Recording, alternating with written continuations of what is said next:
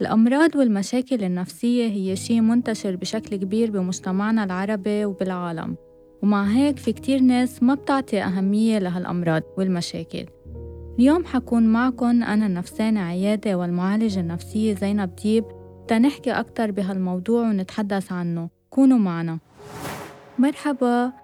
اليوم رح نكون عم نحكي عن شو هي المشاكل النفسية أو العارض النفسي أول شيء الصحة النفسية هي أولوية بحياة الإنسان ومثل ما يكون الشخص عم يهتم بصحته الجسدية وقتها بيوجعه أي شيء بجسمه بيوجعه راسه بيروح عند الحكيم بياخد العلاج المناسب. للمشكلة اللي هو عم بيعاني منها نفس الشيء بالنسبة للصحة النفسية.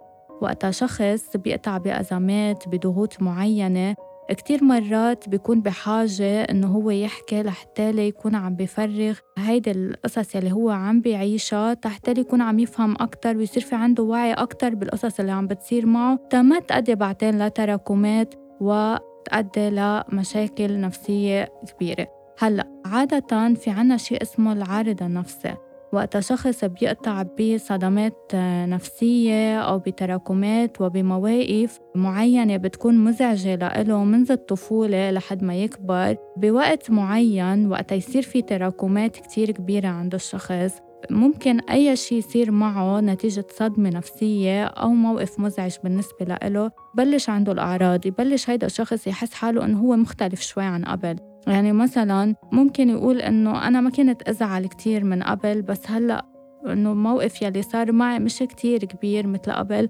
بس عم حس حالي إنه كتير عم بزعل بتغير نمط حياته الأكل علاقاته الاجتماعية علاقاته مع رفقاته حياته العملية حياته الزوجية.